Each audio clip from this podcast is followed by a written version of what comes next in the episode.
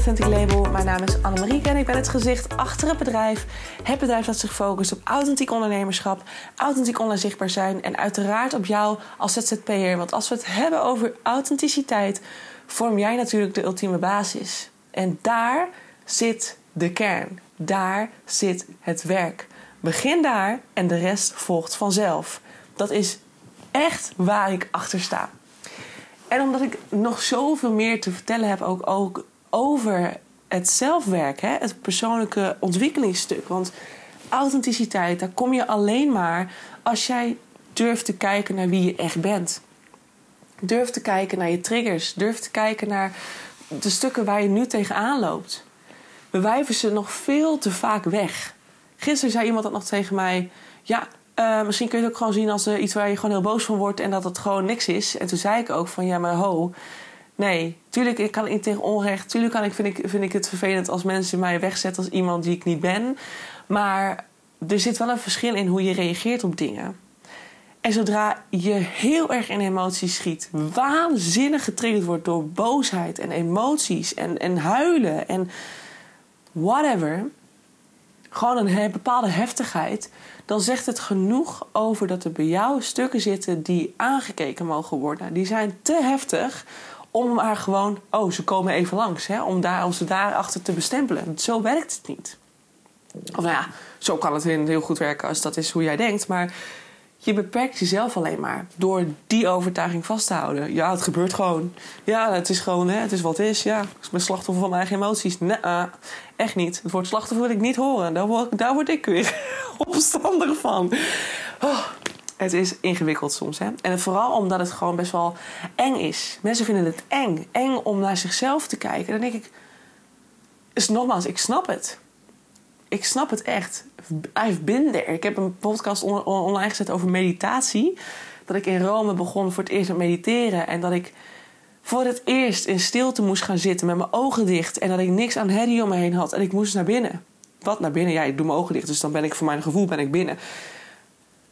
En ik vond het doodeng. Ik vond het echt doodeng. Maar uiteindelijk, door toch eraan toe te geven en gewoon te denken van wat is nou het ergste wat er kan gebeuren. Er kan niks gebeuren, er kan iets fout gaan.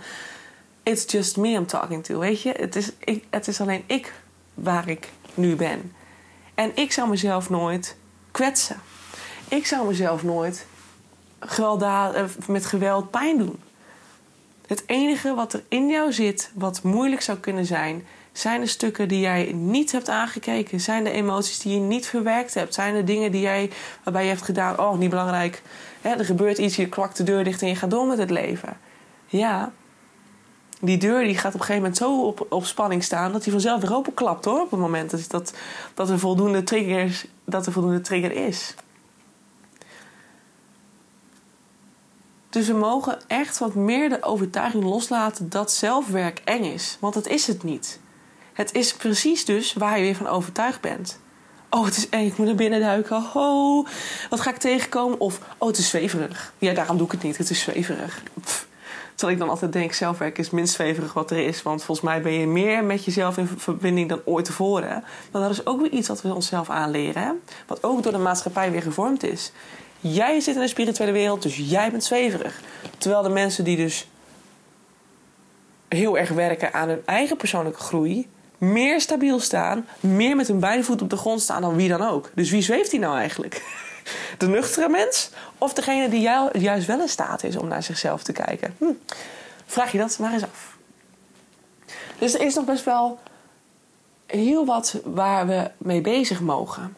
En iets wat ik, waarvan ik vind dat het eigenlijk gewoon een soort dagtaak slash weektaak mag zijn. Dat je af en toe eens naar jezelf kijkt van... Goh, waar liep ik deze week tegenaan?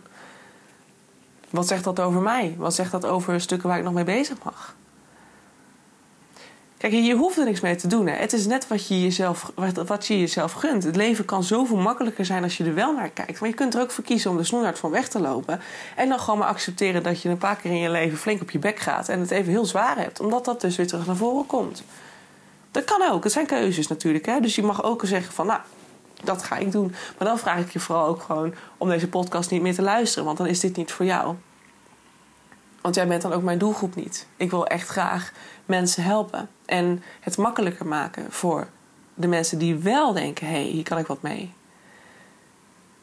Nou, en ik praat alweer heel veel. Maar het gaat in deze podcast ook heel erg dus weer over die triggers. En dit keer triggers die niet bij jou vandaan komen. Triggers die niet opgelopen zijn in jouw verleden, in jouw kindertijd, in jouw uh, latere leven, in, jouw, in de jaren dat je puber was. Weet je, dat, het kan natuurlijk heel vaak zijn dat daar een stuk vandaan komen, maar het kan ook te maken hebben met familiepatronen. Een patroon die dus eigenlijk al jarenlang van generatie op generatie op generatie wordt overgedragen. We onderschatten dit vaak. Toen ik voor dit voor het eerst hoorde, dacht ik echt: hebben we familie? Dat wist ik helemaal niet. Ik wist helemaal niet dat dat bestond. Dat ik dingen van mijn voorouders mee heb kunnen krijgen die, waar ik nu last van heb. Waarvan, waarmee ik mijzelf identificeer. Van dit is mijn issue, ik zit hiermee. Dat is toch mijn ding? Nee, dat is niet van mij. Dat zijn stukken die al jaren geleden zijn opgedaan. Bijvoorbeeld in de Tweede Wereldoorlog. Hè? Want onze, eh, mocht je net zo oud zijn als ik, ongeveer midden uh, halverwege 20 of in de begin 30, of maakt niet uit. Dan kan het zomaar zijn dat je opa en oma in de Tweede Wereldoorlog geleefd hebben. En jouw voorouders, jouw overgrootouder, opa en oma, die hebben in de Eerste Wereldoorlog geleefd. En misschien zelfs ook nog in de Tweede Wereldoorlog.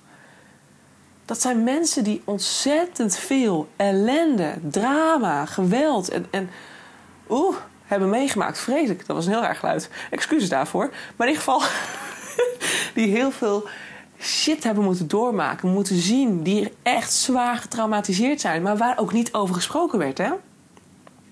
Daar was toen vrijwel geen hulp. Waardoor die mensen konden verwerken wat verwerkt moest worden. Dit is gewoon in het DNA gaan zitten. Dit is gewoon helemaal meegegaan. Wat vervolgens weer is doorgegeven op hun kinderen en op hun kleinkinderen. En vervolgens weer op hun kleinkleinkinderen. Dat, dat zijn wij nou waarschijnlijk, weet je wel.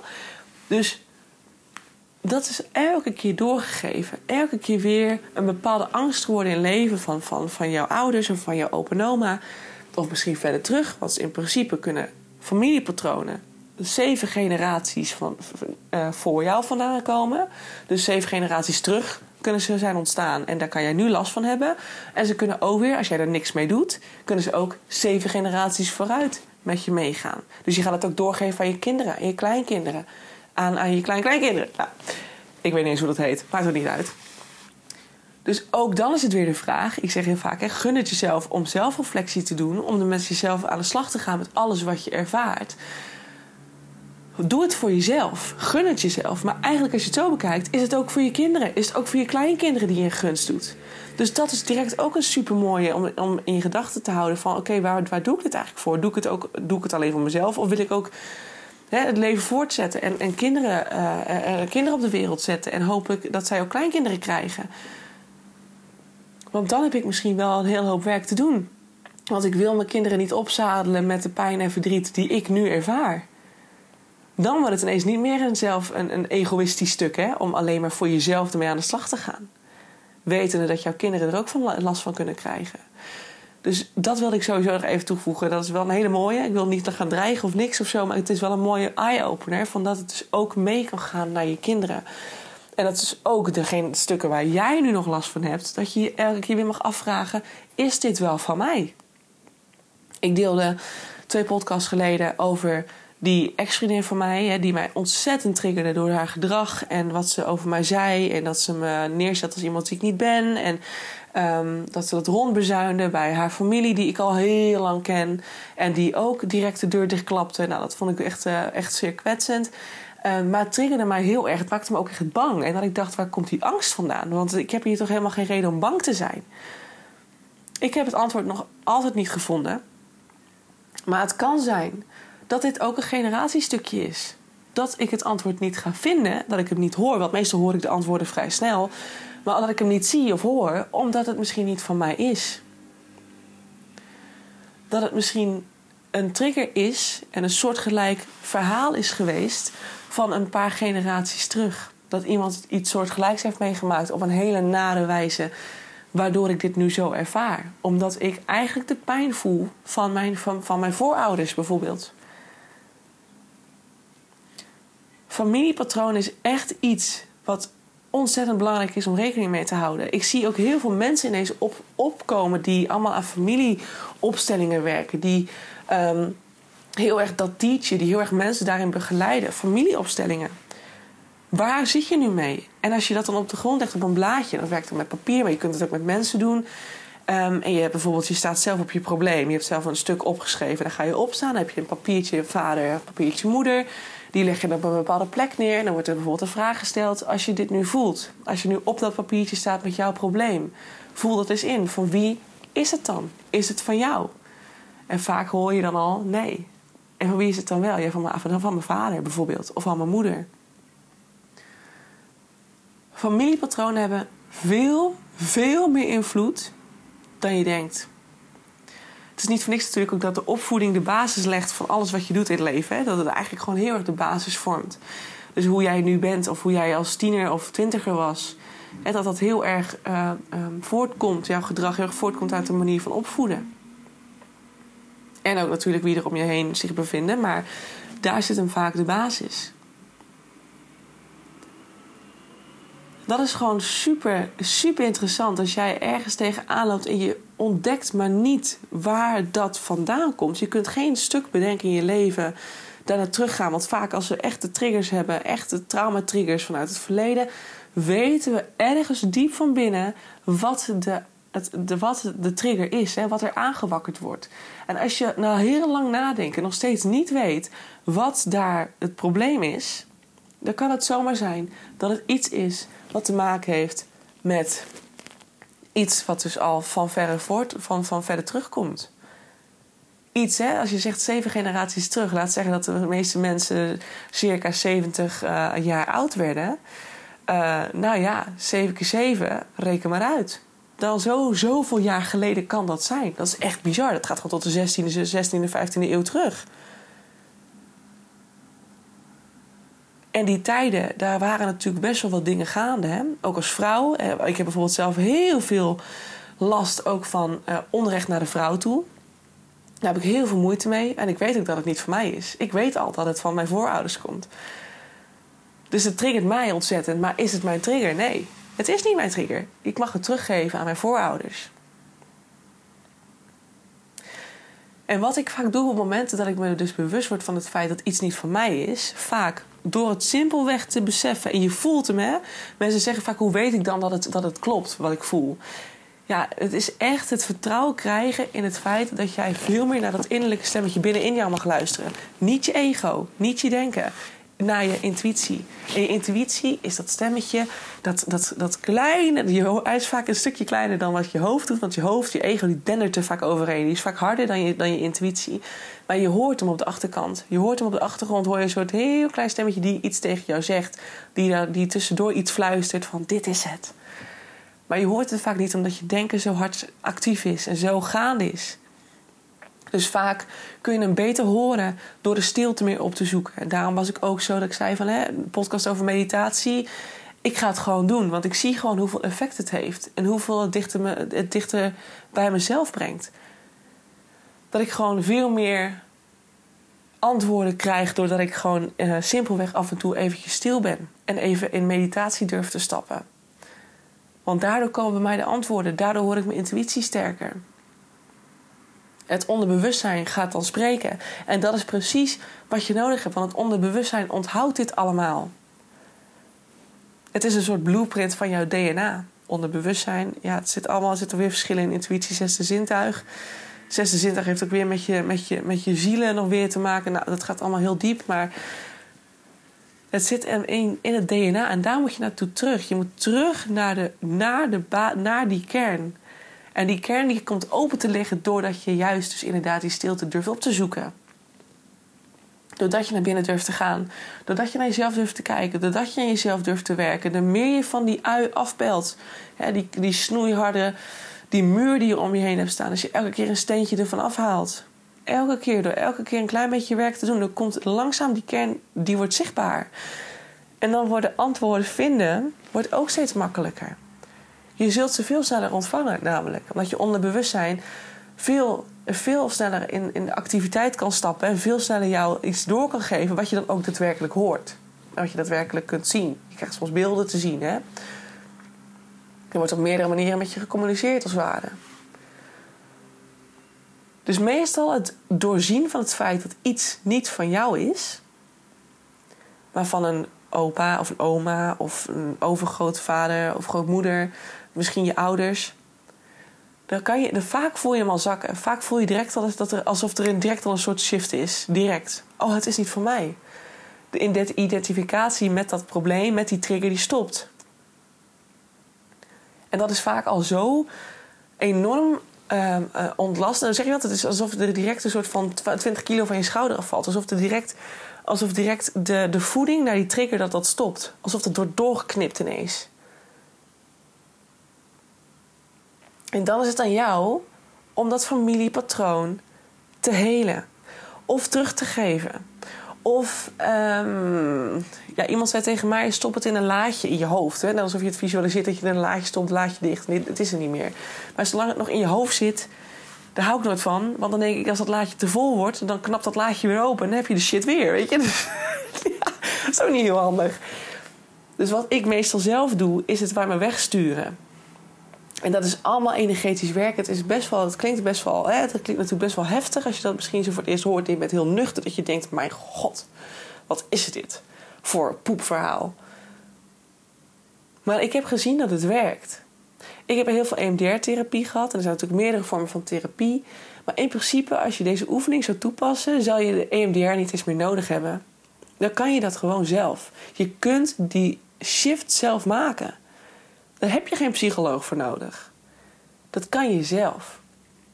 Maar het vraagt moed. Het vraagt lef om te gaan zitten. Om te weten van oké, ik weet nu waar die zit. Ik weet dat hij niet van mij is. Ik weet dat hij bij nou, een persoon vandaan komt uit mijn familie. En ik ga dat nu terugsturen. Ik ga dat gewoon teruggeven aan die persoon. En je hoeft dat echt niet met woorden te doen. Dat kun je doen door te visualiseren.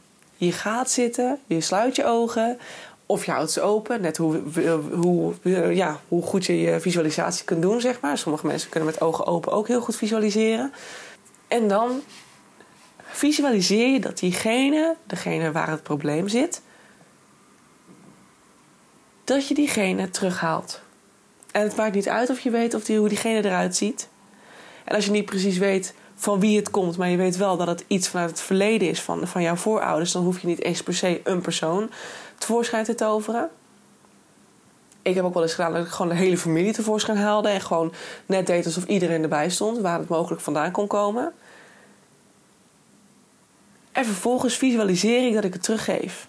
Dus de trigger in mij, nou, visualiseer een, eh, een bal of zo, of iets wat, wat zwaar is, wat belastend is, en dat je het gewoon teruggeeft dat je visualiseert dat je die bal gewoon overhandigt aan een van die mensen. Of aan de persoon waar het over gaat. Door het letterlijk, nou letterlijk, door het visualiseren letterlijk terug te geven, ben je eigenlijk de last al kwijt. Is het in principe al geheeld. En je kunt het helemaal next level doen. Vaak doe ik er nog een stap extra bij. Dat gaat best wel dat wordt best wel een spiritueel verhaal. Maar goed, ik ga het je gewoon nu vertellen. Dus als je denkt van ik wil dit helemaal niet horen, dan mag je de podcast stoppen. Maar het kan best wel nuttig zijn. Want het kan ook zijn dat het soms nog niet voldoende geheeld is en dat er misschien nog iets nodig is. Wat ik vaak nog doe ter afronding van het helen van een bepaalde trigger, van een bepaald trauma, van een bepaald. maakt niet uit. Is dat ik vaak het wegstuur van mij. Dat ik het letterlijk wegblaas. Want ik weet niet of je het weet, maar ademhaling, en dat is in de meditatie in de wereld natuurlijk ook zo. Je bent ademhalingsoefeningen aan het doen. Maar ademen is een van de basis. Mm, hoe moet ik het zeggen? Een van de uh, uh, basismaterialen, of nee, een, gereedschappen die je kunt gebruiken om heling in werking te zetten. Je ziet het vaak ook al als je heel moe bent, of als je heel erg in je hoofd zit, of als je heel erg mee wordt gesleurd en wordt getrokken in de drukte van de maatschappij. Dat je soms even, even diep in, diep uit. En dat je direct voelt, oh, ik zak weer in mijn lijf. Weet je? Dat je direct wat meer rust voelt. Ademhaling doet veel en veel meer met je. En ook met je psyche, met je mind, met je alles waar mogelijk ook maar trauma's en triggers kunnen zitten. Dan wat je je beseft. Traumatriggers, emoties, het is allemaal een bepaalde vorm van energie. Hè? Want dat is het. Het is niet meer dan dat. Hè? Het is niet alsof er een of andere blauwe plek in, in je arm zit of zo. Die, die uh, aangeraakt wordt op het moment dat iemand iets tegen jou zegt of iets bij je doet. Nee, het is gewoon een bepaald een soort van, ja, een soort van klein wondje, een, een energetisch wondje op. Ja, is het dan je ziel? Ja, dat vind ik ook nog steeds heel lastig. Maar het is een emotionele trigger in jou in jouw lichaam. En het kan op een zwakke plek gaan zitten, zoals ik dat had met mijn bronchitis. Ik heb 2,5 jaar lang bronchitis gehad, omdat ik een trauma had waar ik niet vanaf wist. Daar kon geen enkel medicijn iets aan doen, totdat ik EMDR-therapie had gehad. En dat kan je dus nu zelf, hè? als je dus nu met een traumatrigger zit, dan kan je dus daar nu zelf voor zorgen. Dan heb je daar geen EMDR-therapie meer voor nodig. Je kunt er nu zelf voor zorgen dat dat stopt. Door dus je innerlijk werk te doen. Maar goed, dat even terzijde. Dus ademhaling is gewoon ontzettend belangrijk. Dus wat je kunt doen op het moment dat jij iets teruggeeft aan iemand, dat jij letterlijk zegt van hier bij deze, dit is niet voor mij, dit is van jou en ik wil teruggeven, dan ben je hem in principe al kwijt. Wat ik vaak nog doe om het eigenlijk compleet te maken, want soms kan het zelfs zo zijn dat je iemand tegenover je ziet die visualiseert dat en dat diegene gaat reageren, ik wil het niet hebben. Dat kan ook nog. Dat je denkt, die visualiseert het toch, je bepaalt het toch zelf. Ja, maar het is net alsof je dat stukje energie van die persoon erbij haalt. En die heeft ook weer een eigen zeggen. Het is echt zo ingewikkeld, oh my god. Dus het kan zomaar zijn dat je heel erg het gevoel krijgt van diegene wil het niet ontvangen. Dus ik geef het nu terug, maar ik, ik, ik krijg direct de bal weer teruggekaatst. Het, is niet, het, wordt niet, het wordt niet ontvangen. Er staat een muur tussen, er staat een muur voor of zo. Dat kan. Dat, het klinkt allemaal heel vreemd, maar als je het ooit zult gaan doen, zul je zien dat het kan gebeuren dat dit ontstaat. Dat er een reactie komt, dat je het gevoel krijgt: ik kan het niet afgeven. Want degene aan wie ik het wil teruggeven, wil niet ontvangen. En dan heb je iets anders te doen. Dan heb je namelijk hetgeen wat jij eigenlijk als een soort van energetische, stevige, harde, vervelende bal die in de weg zit, die moet je kwijt. En je kunt hem op de grond smijten, maar dan heb je hem nog steeds ergens in je buurt. Weet je, je wil hem eigenlijk het liefst gewoon weg hebben. Dus wat ik altijd visualiseer, is dat ik het van me wegblaas. Dat ik het altijd, ik blaas het altijd weg. Ik werk altijd met mijn ademhaling en ik merk, gewoon dat wanneer je dus heel erg focust op een juiste vorm van ademhalen, diep neus in, hard uitblazen door je mond. Dus neus in, mond uit dat dat de heling in gang zet. En waar je het dan naartoe zendt, dat is aan jou. Ik wil het vaak hier van de aardbol af hebben, dus ik wil het er gewoon weg hebben, dus ik stuur het vaak naar boven. Ik ben ook in principe hè, gelovig opgevoed, dus in voor mij is sowieso altijd al dat ik vroeger altijd al naar een soort God sprak, zeg maar. Dat was sowieso altijd al boven voor mij. Nou, nu is natuurlijk, wat ik veel met de wet van aantrekking heb het ook over het universum, dus ik ben vaak dat ik het gewoon wegstuur. Dat ik het gewoon, als dat ik die bal gewoon ineens dat ik gewoon een soort sweeper geef. Hij gaat de lucht in. Hij blijft hangen. en dat ik dan het uitblaas. En dan vraag ik vaak, of vraag ik vaak, dan denk ik bij mezelf, hoe vaak moet ik het doen? Nou, soms is het zes keer, soms is het acht keer, soms is het elf of twaalf keer als hij dieper zit. En dan blaas ik zo hard en dan zie ik die bal steeds verder weggaan, steeds verder weggaan, steeds verder weggaan, tot het weg is. Weg zo ploep buiten de ozonlaag. Tot ziens. Succes ermee, weet je. Maar wat ik ook wel eens hoor, is dat mensen het de aarde insturen. En dat, ze het, dat die bal, dat ze hem begraven. Dat kan je ook nog visualiseren. Dat je een groot gat graaft. Bal erin, aarde erop. En dat je zoiets hebt van... Dat je dan nog even een paar keer die ademhalingsoefeningen doet. Neus in, mond uit. Vraag hoe vaak je het moet doen. Aan jezelf. Jezelf geeft antwoord. Ja, je, bij jouzelf komen de antwoorden. Jezelf geeft al aan, dat moet je acht keer doen of zo. Je ziet dit wel voor je. Dat geloof ik je. Gaat oefenen het gaat gebeuren. Blazen, blazen, blazen. Werk aan die ademhaling. Ga die ademhalingsoefeningen doen. En je zult zien dat je lichter wordt. En dan in het vertrouwen dat wat jij zojuist in die aarde gestopt hebt, dat de aarde dat gewoon weer terugbrengt naar waar het van oorsprong vandaan komt. Een beetje zoals je afval in de grond stopt hè? en dat het op een gegeven moment ook vergaat. Dat de aarde dat omzet naar iets. Zo werkt het ook met dit. Klinkt zwaar, klinkt energetisch, klinkt spiritueel. Ik snap dat je het allemaal heel moeilijk vindt als je heel nuchter bent. Maar het heeft hetzelfde effect als EMDR. Dus je hoeft er niet voor naar een dure psycholoog. Als jij erachter bent dat je iets hebt zitten en je kunt het eigenlijk op een heel laagdrempelig niveau gewoon terughalen, visualiseren. Zet diegene waar het over gaat tegenover je. Je geeft die zware bal, die last, die geef je aan diegene. Wordt het aangenomen, kan je het in principe al loslaten. En je mag er dan voor kiezen om bijvoorbeeld alsnog die ademhaling te doen. Om ervoor te zorgen dat de cirkel rond is. Hè, dat het echt goed uh, gereset wordt eigenlijk. Want dat is wat er gebeurt. Het wordt, het wordt gereset. In jouw lichaam wordt het gereset. Dat is een mooi woord ervoor. En wil het, wordt het niet aangenomen, dan kan je ervoor kiezen om het van je weg te sturen. Net als ik, stuur het weg. Vanuit, van de aarde af, naar uh, het universum, naar de voorbij de ozonlaag, weet je? Weg, weg van de aarde. Of stop het in de aarde en laat de aarde het omzetten. En ja, het is een spiritueel verhaal. Ja, je visualiseert het allemaal. Maar vergeet niet dat emoties, dat traumatriggers, dat alles wat vervelend en pijn doet en naar is, dat het allemaal in de oorsprong energie is. Hè? Visualisatie is exact hetzelfde. Het is, jouw brein ziet geen verschil tussen wat werkelijkheid is en wat jij visualiseert. Vanuit daar, daarom zeggen ze ook altijd de wet van aantrekking. Dat gaat natuurlijk ook op basis van energie. Hetzelfde trekt hetzelfde aan. Als jij gaat visualiseren dat je iets al hebt. En het ga je helemaal doorvoelen en helemaal ervaren. Dan weet jouw lichaam en brein niet dat dat niet waar is. Dus je hebt het al zo gevisualiseerd dat het qua energie eigenlijk al staat. Het is er al. Enige wat je moet doen is toch in die ontvangstmodus gaan staan. That's all. Dan komt het uiteindelijk ook in de fysieke variant naar je toe. In tastbare energie. Want dat is het. Het is niet anders dan dat.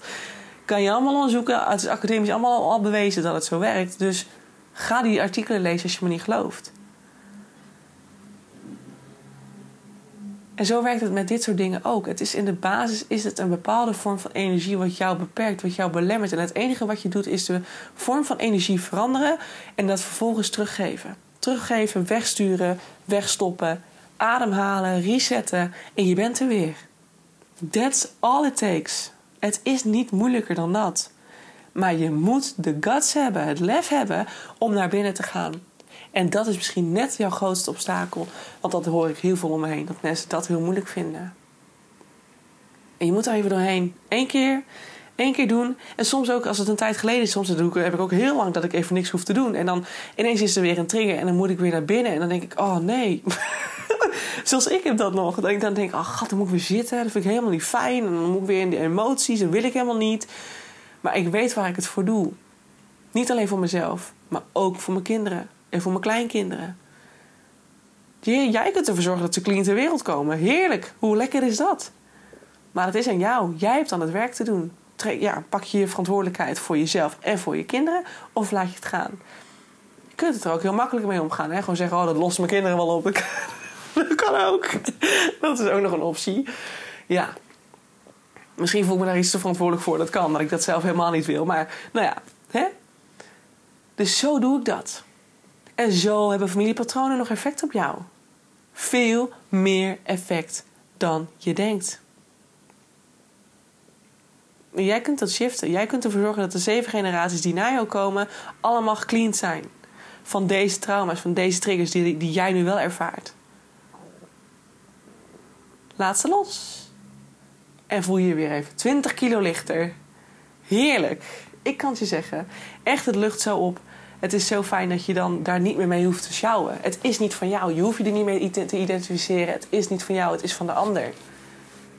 En dingen lossen zich op. Echt, ik zie het om me heen. Ik zie mensen die misschien helemaal niet via mij werken, maar gewoon zelf ineens een familieopstelling doen en die verhalen vertellen en zeggen: joh, ik heb hier toch een partij shifts meegemaakt. Ik voel me een totaal ander persoon.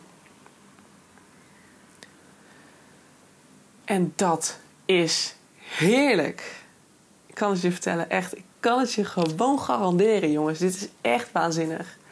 Dus doe het. Gun het jezelf. Gun jezelf die vrijheid, maar ook doe het ook voor je kinderen en je kleinkinderen. Heel die struggles. Dan komt het allemaal goed. Het komt sowieso goed, want het is niet één. Er kan niks fout gaan. Er kan niks fout gaan. En misschien is dat ook wel een belangrijk om te onthouden. Zodat je daar gewoon ook niet over in hoeft te zitten. Nou, hij is alweer lang zat. Ik ga hem afronden. Ik hoop heel erg dat je hier je voordelen mee mag doen. Dat je hier iets uit mag halen. Dat je misschien niet bewust wordt van dingen. Dat je denkt: oh my god, kan dit ook nog? Dan is het dus helemaal niet van mij. Loslaten.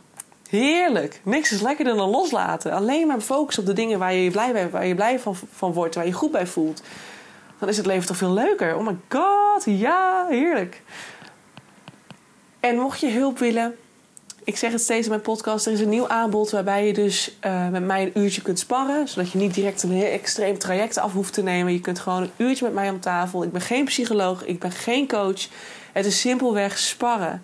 Samen kijken naar hoe je verder weer kunt in het maken van je stappen.